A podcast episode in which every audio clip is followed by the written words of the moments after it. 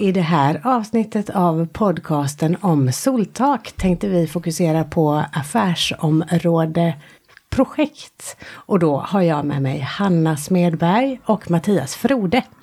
Kan inte ni ta och presentera er och vad ni har för jobb på Soltak lite grann? Ja, jag heter Hanna Smedberg och eh, jag är eh, UB-ansvarig på Soltak. Och jag jobbar ju egentligen med eh, jag, jag, jag, bedriver även UB och sådana saker och har mycket kontakt med kund och stöttar och hjälper och kommunicerar. Mm. Mm. Jag heter Mattias Frode och eh, arbetar som affärsområdeschef. Men också ansvarar för vissa UB och eh, delvis några projekt. Och försöker allmänt få verksamheten att gå ihop kan man väl säga. Och vad är det för skillnad på UB och projekt? Eh, det är en bra fråga för att... Eh, Vi kanske ska börja det... med UB. Vad är UB för något? Det tycker jag Hanna kan få ta som ändå ansvarar för. Tack så mycket. alltså UB är ju en uppdragsbeställning och det är någonting som kunderna lägger. Kunderna kommer in med en uppdragsbeställning då de vill ha utfört någonting.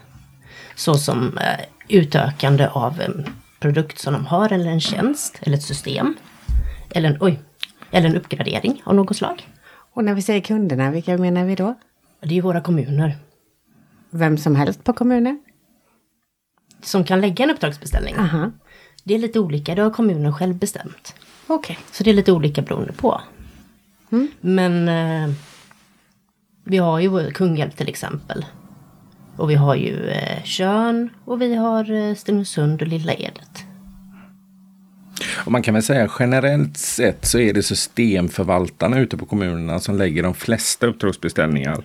Mm. Eh, men det kan även vara äh, affärsområdesansvariga, IT-chefer, ekonomichefer och annat som, som vill få till en förändring på någon specifik tjänst som är, ligger utanför det uppdraget som vi har på de tjänsterna som levereras från Soltak idag. Och det rör både ekonomi, lön och IT. Sen, om man går över på projektdelen, skillnaden mellan en uppdragsbeställning och ett projekt, det är väl egentligen omfånget och hur, hur komplext arbetet är. Det finns ingen riktigt tydlig gräns som skiljer exakt vad ett projekt är kontra en, en uppdragsbeställning. Dock så blir det skillnad kring dokumentation och hur man eh, hanterar själva uppdraget. För att vi har en projektmodell på Soltak som man jobbar ut efter när vi jobbar i projekt och då ska vi igenom olika faser i projektet. Eh, vi måste också tillsätta en styrgrupp både från kund och eh, leveranssidan då, både från ägarkommunerna och oss på Soltak. Och det behövs inte i en uppdragsbeställning. Eh. Nej men precis, det är komplexitet mm. eh, på själva uppdragsbeställningen som då kan bli även en, ett, ett, till, ja, ett projekt till slut. Vem är det då som avgör om det blir ett projekt eller om det blir en vanlig uppdragsbeställning? Också lite olika. Vi har ett stort ansvar där i våran grupp, mm. affärsområde projekt, att lyfta när vi tycker att det, det, här bör bli ett projekt.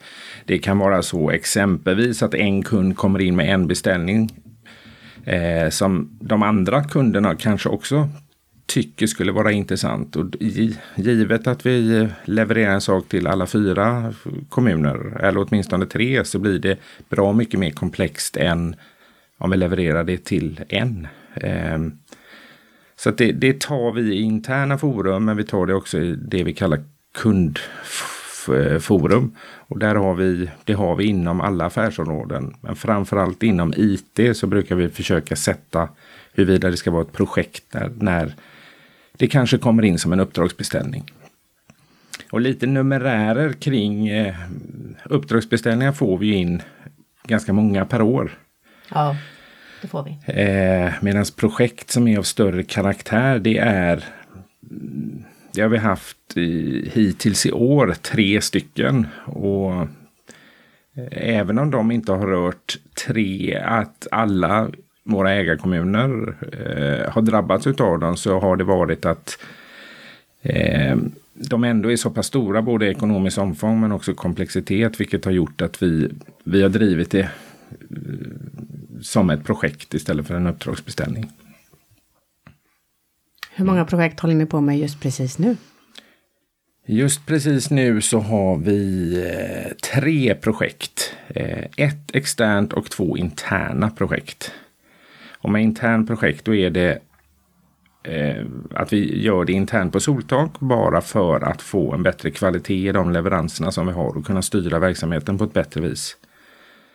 Och det är, eh, vi håller i skrivande stund, det kanske man inte säger när man poddar men... Eh, I pratande stund kanske? Ja, i pratande stund. så har vi ett ärendehanteringssystem som ska implementeras eh, med start i slutet på året.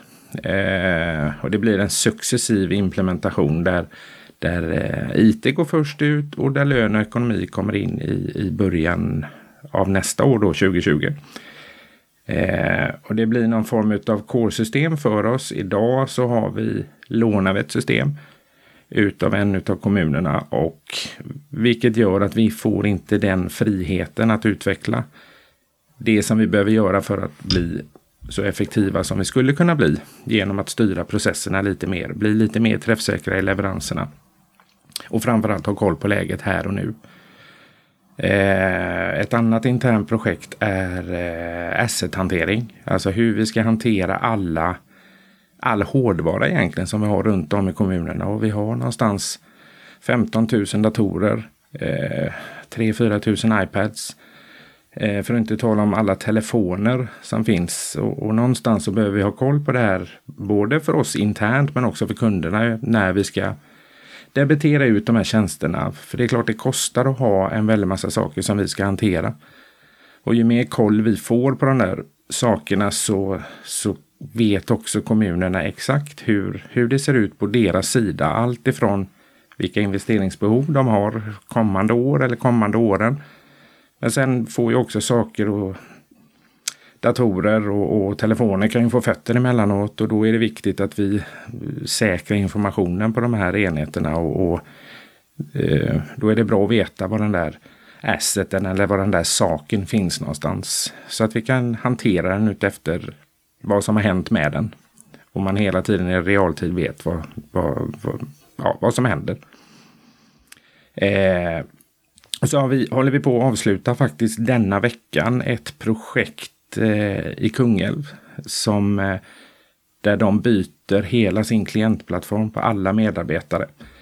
Och klientplattform det är alltså att de får en ny dator med ett nytt operativsystem. Eh, och det är den största kommunen och det har varit, det har varit rätt mycket jobb. Allt från att ta sig från en gammal teknik till en ny. Och hela logistikkedjan att få ut de här 4000 datorerna kanske till rätt person med rätt applikationer på. Och ta tillbaka gammal hårdvara och, och miljöskrota den på ett bra vis så att eh, vi gör by the book. Så att vi inte dels bryter mot några regler men också har kontroll på läget. Ja, det är väl de tre projekten vi kör nu. Mm. Och hur ser det ut på UB-sidan? Ja, just nu så har vi ungefär exakta siffran har jag inte exakt i huvudet just nu, men ungefär 152 aktiva. Oj! Hur länge håller ett, en uppdragsbeställning eller en UB på då? Om man har så många på gång samtidigt? Ursäkta. Jo, alltså det beror lite grann på. Alltså vi har ju uppdragsbeställningar som har legat över väldigt lång tid. Det har vi gjort. Ehm, men de är ju på väg då. De fasas ut för de är ju... Det är ju det här att vi hela tiden jobbar med eh, att förbättra våra processer och sådana här saker. Som gör att vi kan arbeta på ett strukturtivt, eh, förlåt, tar vi bort. Ett strukturtivt bra sätt. Som gör att vi kommer framåt och inte behöver så lång tid som kanske har behövts vid tidigare tillfälle. Men eh, det är ju beroende på viss storlek och omfång och, och komplexitet på UBn. Så det är ju alltifrån ett par dagar till då ett halvår.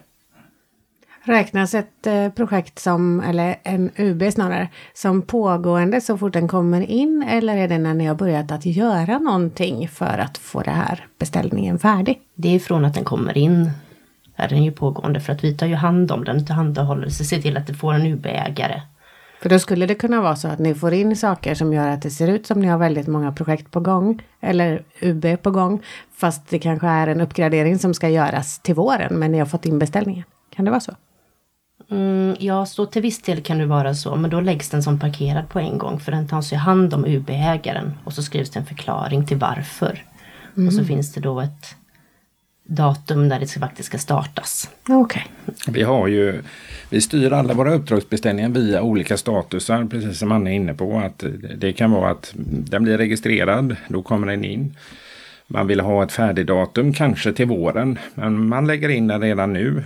Det underlättar väldigt mycket för, för vårat arbete när man får in saker i tid.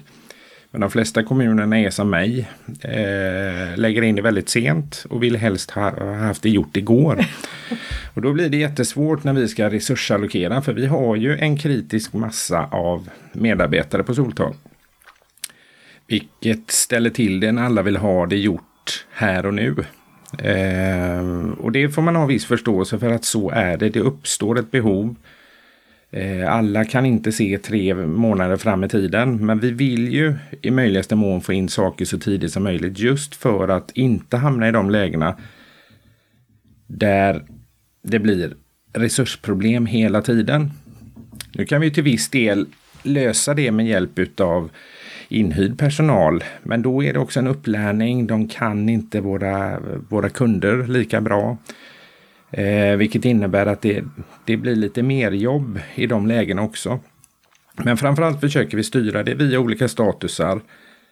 Och nytt för i år kan vi säga som, som Hanna har jobbat mycket med det är ju det här att vi tidsestimerar UBna. Och det är egentligen det största klivet vi har tagit kan jag tycka i år. Dels att få fått ordning och reda på att vi ser vad som vad som kommer in och att vi fakturerar ut rätt. Vi dubbelfakturerar ingenting utan vi har örnkoll på det som levereras idag. Må hända att ibland kan det ta lite lång tid. Och det är inte för att vi tycker det är kul utan det är just resursproblematiken. Att vi har vanlig drift att förhålla oss till och vi har den här utvecklingen då som är en uppdragsbeställning. Tidsoptimerar. Vad innebär det? Ja, eller kanske framförallt tidsestimerar då att vi, vi, vi har ett arv där, där eh,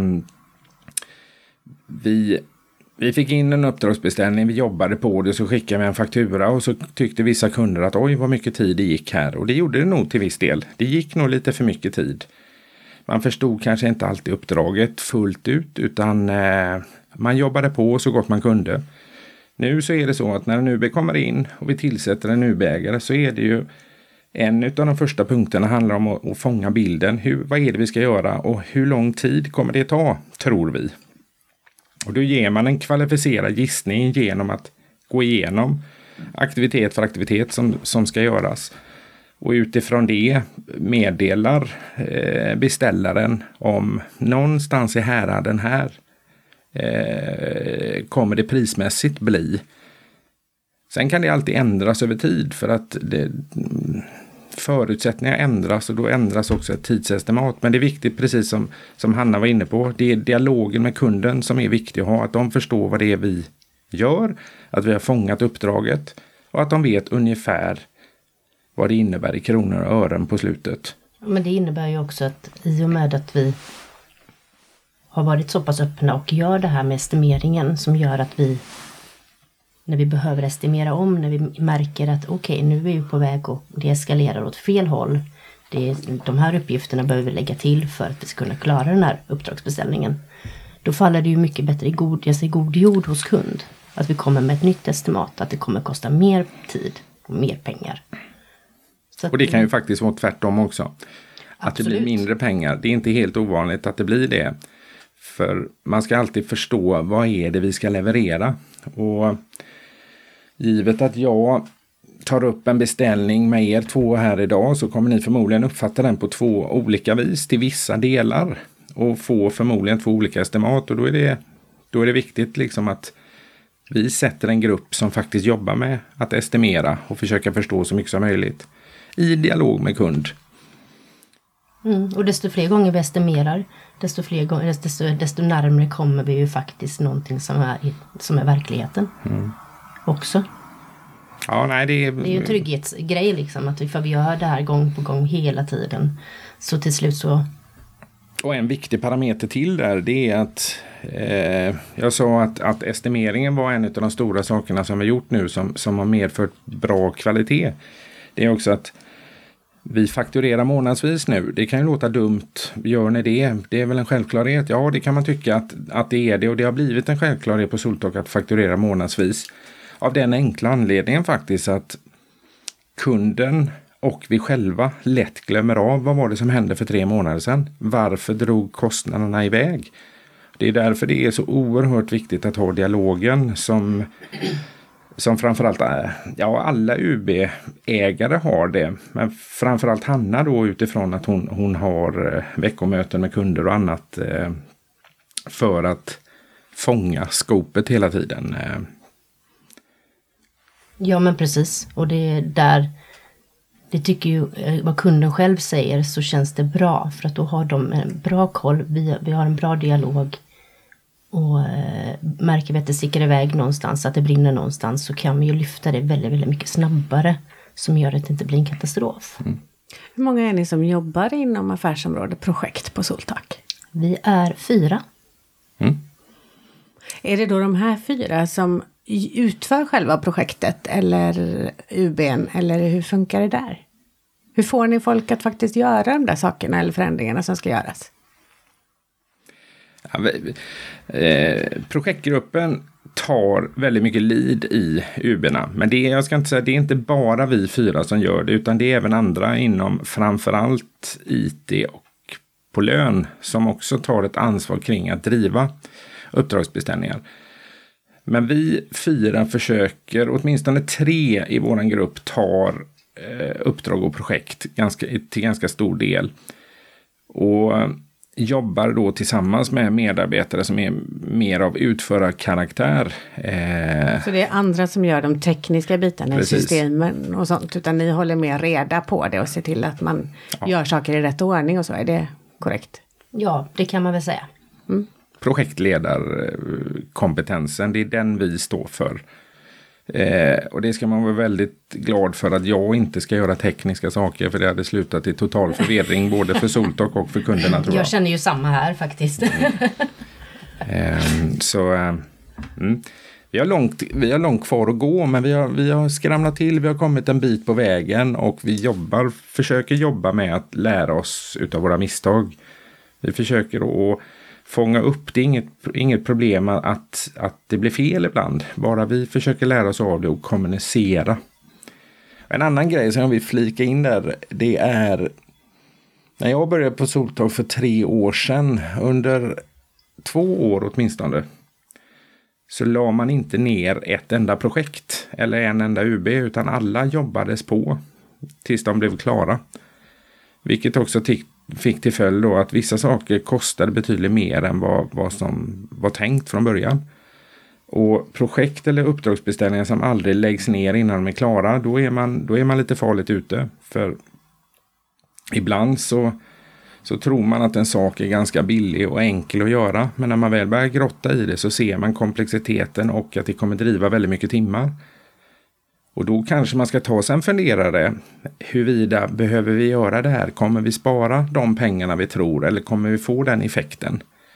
Där har vi en ganska lång resa att göra fortfarande. Att titta på eh, effekthemtagning eh, när vi utför förändringsarbeten generellt sett. Både kunderna men också till viss del vi på Soltak man brukar kalla det, man brukar jobba med någon, någon form av business case för att se, får vi de här rätta effekterna eh, utifrån det arbetet som vi gör? Vem är det då som bestämmer om ett eh, projekt går vidare eller inte? Om, säg att Soltak gör en, en kostnadsberäkning av vad någonting ska kosta och sen drar det iväg och kanske man ser att det här kommer att kosta mycket mer än vad vi trodde. Mm. Är det Soltak eller kommunen eller vem är det som bestämmer om man ska fortsätta att köra på och om det är värt det eller inte? Det är väl skillnad ifall det är projekt eller ifall det är en uppdragsbeställning också. Kan man väl säga. För det gällande UBn så tar man ju kommunikationen med kund. Mm. Väldigt omgående när man märker att det börjar dra åt det hållet. Men gällande projekt så är det ju styrgruppen. Mm. Och när det gäller UB så gör vi i princip aldrig ett business case i, i den formen heller riktigt. Eh, det är i alla fall inget som vi måste göra. I vissa UB gör vi ett business case. Eh, I projekt är det mer lag, att, att det är det vi ska göra. Sen fuskas det lite med det, absolut. Eh, så där, där är vi långt ifrån klara. Och, och faktum är att Soltak kan göra ett business case på det som vi ansvarar för. Vi har ju svårt att göra ett business case för vad kunden förväntas nå för nyttor och hur man räknar på det.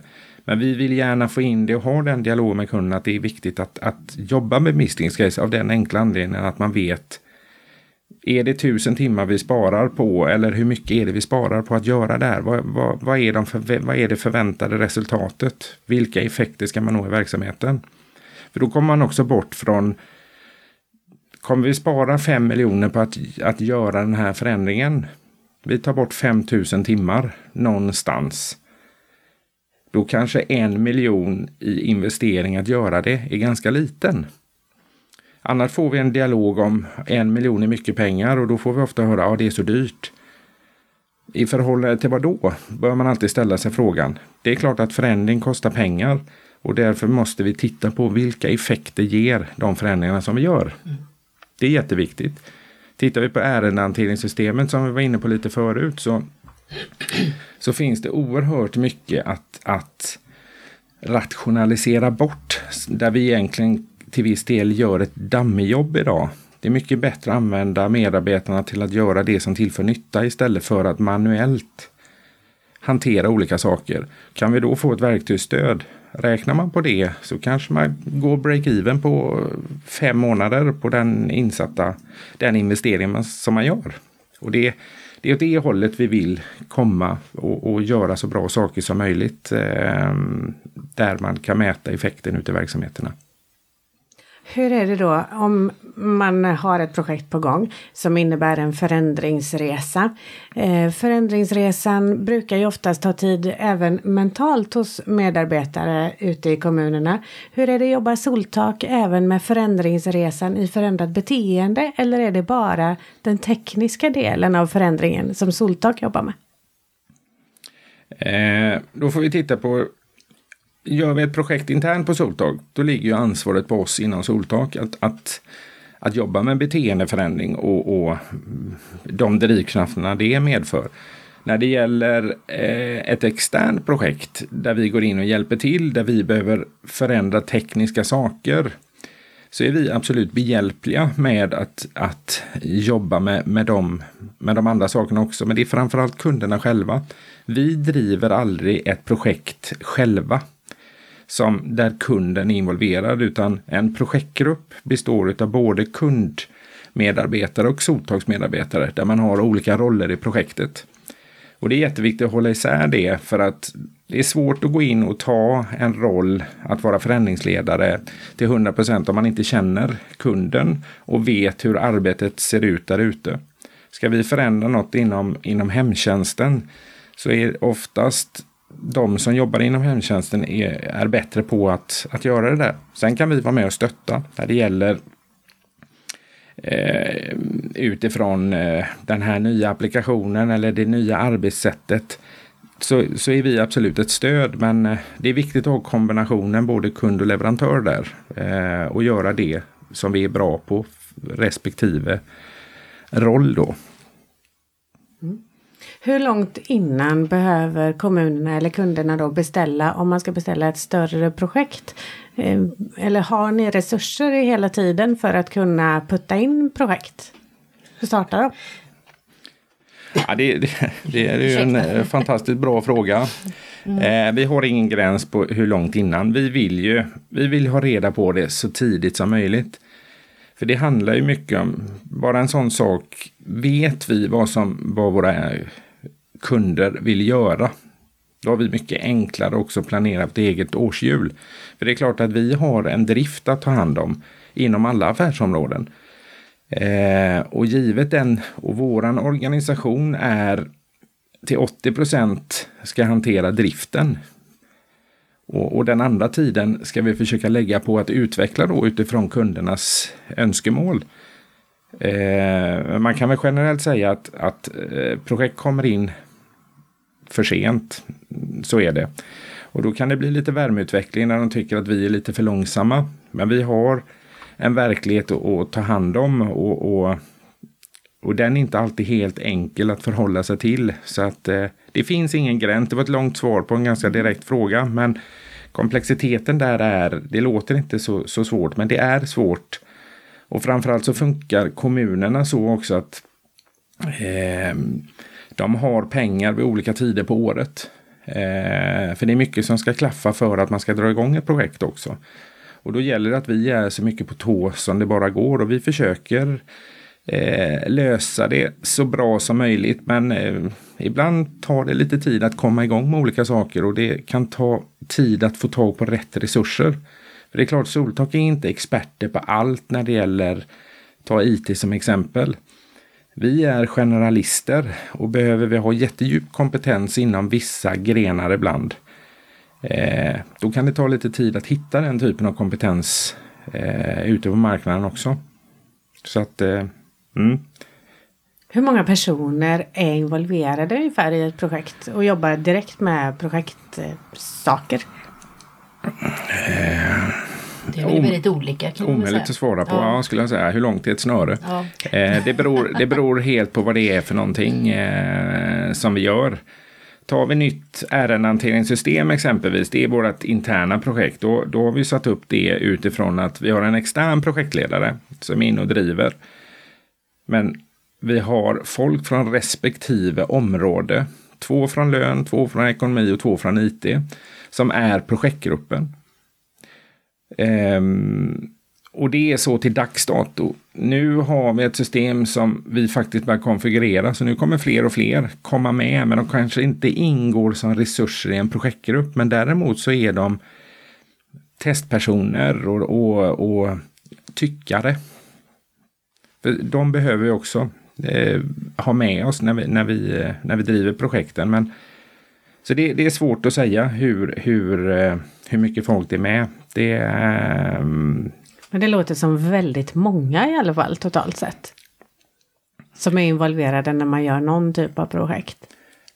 Ja, framförallt de som behöver vara med. Det är ju de man försöker pinpointa. Eh, för det är, ju, det är ju de typen av kompetenser vi behöver här och nu. Det är ju de vi behöver försöka allokera upp. Eh, som lägger viss del av sin tid i ett projekt. Så att som Hanna säger, det, det beror väldigt mycket på. Och det är väl egentligen ingen skillnad på UB och projekt där. Det, Nej, egentligen inte. Men en, i, generellt så är det mindre folk som jobbar. Eftersom ett projekt är mer komplext så blir det oftast fler som behöver jobba med det då. Ja, men precis. Och sen så kan det ju vara så när man bedriver projekt just så kan, ju, kan man ju behöva en viss resurs en viss period i projektet också. Så det kan ju vara väldigt många personer egentligen i den stora massan. Men de är inte där samtidigt exakt hela tiden.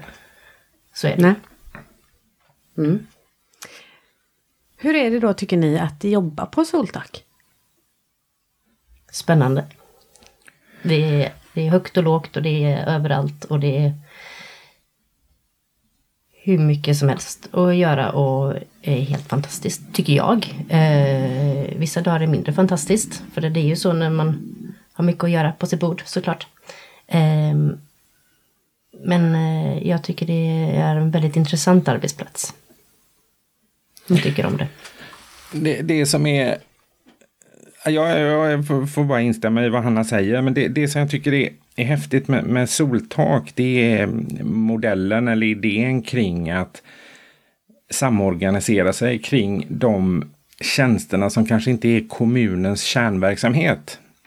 Och det borde egentligen fler kommuner eh, fundera över och funderar säkert över utifrån ekonomiskt läge. Det ser inte helt ljust ut för Sveriges kommuner och jag, jag tror att man behöver ta den vägen och dela på resurser. Allt från att vi kan upphandla saker för att vi har en volym, en kritisk massa som är ganska stor, vilket är, bör medföra att vi får lite bättre priser på, på både system och annat som, som handlas in. Men också att man kan bygga kompetensen på ett ställe, för kommunerna är ganska lika i mångt och mycket. Så att eh, jag tror att Soltaks glansdagar kommer komma bra mycket mer än vad de är nu. För nu, är vi, nu har vi våra kommuner, våra ägarkommuner. Och um, tänk om, om tre år när man eh, kanske är fler, vad vet jag man stöttar fler kommuner med rätt och relevanta tjänster. Det hade varit, eh, jag, tror, jag tror på modellen och eh, jag tror det kan bli jättebra. Mm. För att komma tillbaka lite grann till det här med projekt och kommunernas del i det. Vad är det som skulle krävas för att ett projekt ska bli riktigt ultimat och lyckat? Ifrån kundernas sida sett. Och sen också ifrån Soltak. Det är ju att förväntningarna hamnar på rätt nivå. Och att vi levererar ett projekt i rätt tid, till rätt kvalitet och till rätt kostnad. Ja. Kan man väl säga. Det, det, eh, det är inte svårare än så, eller just så svårt. Eh, men förväntningarna, det är det som jag tycker är absolut svårast. Det har inget med Soltak och deras kommuner att göra. Så, så är det uh, på alla ställen. Det handlar om att, hantera folks förväntningar. Både våra interna förväntningar på vad, vad det är vi ska prestera, men också mottagarsidan. Och att man tittar på vilka effekter är det som det här projektet eller den här UBn ska, ska ge. Och det är man generellt sett lite för dålig på i när man driver projekt generellt. Och då menar jag inte soltak. Vi är inte varken sämre eller bättre än någon på det. Men just titta på effekthemtagning. Mm. Det skulle jag, det, det är så jag ser på det. Mm. Och där blir jag nyfiken då, för det låter som ni har en hel del erfarenhet från projekt och sådant från tidigare också. Vad gjorde ni innan ni började på Soltak? Eh, då jobbade jag på ett jättestort företag som heter Hewlett Packard. Eh, som, eh, ja, som projektledare, mycket kring eh, tunga infrastrukturprojekt. Eh, och sen har jag ett förflutet eh, som konsult inom, ja, inom verksamhetsutveckling kan man väl säga. både privata och, och den offentliga sidan. Mm, och Hanna? jag har ju inte en jättelång gedigen erfarenhet så som Mattias. Men eh, jag har, eh, jag har varit verksam i typ så tre år eller någonting som projektledare. Innan dess har jag varit egenföretagare och jobbat mycket med telekom. Ehm, och även eh, jobbat mycket med mat. Faktiskt. Haft café och varmkök och grejer och sånt. Så att, ja, tiden går. Mm, så är det. Och det gör den ju även här i vår poddstudio. Vilken snygg P3-övergång. Eller hur? så har ni några så slutord som ni tycker att det där måste vi få sagt och berättat också? Nej, men jag, jag, tror att eh, liksom generellt vi är inne på en bra resa. Vi kan bli väldigt, väldigt mycket bättre. Men vi, vi har kommit ganska långt på ett år. Eh, och jag tror liksom man ska fortsätta. Eh, förändring görs inte på en dag utan det är idogt arbete och vi kan alltid bli bättre. Och det är det som jag tror är viktigt att ha med sig i allt man gör oavsett om det är projekt eller vara en bra kollega eller vad det nu är. Så, så behöver man jobba med att ständigt bli lite bättre och lära sig av sina misstag men även sina lyckanden då. Eh, och försöka förmedla det till eh, Alltså hitta en bra kultur där vi, vi ska framåt. Vi ska göra det bättre och bättre. Och våra kunder ska tycka att vi blir bättre och bättre också. Och våra medarbetare och de som bor i våra kommuner ska få extra mycket för sina skattepengar, tänker jag. Eller så, så mycket som det bara går att få ut av varje skattekrona.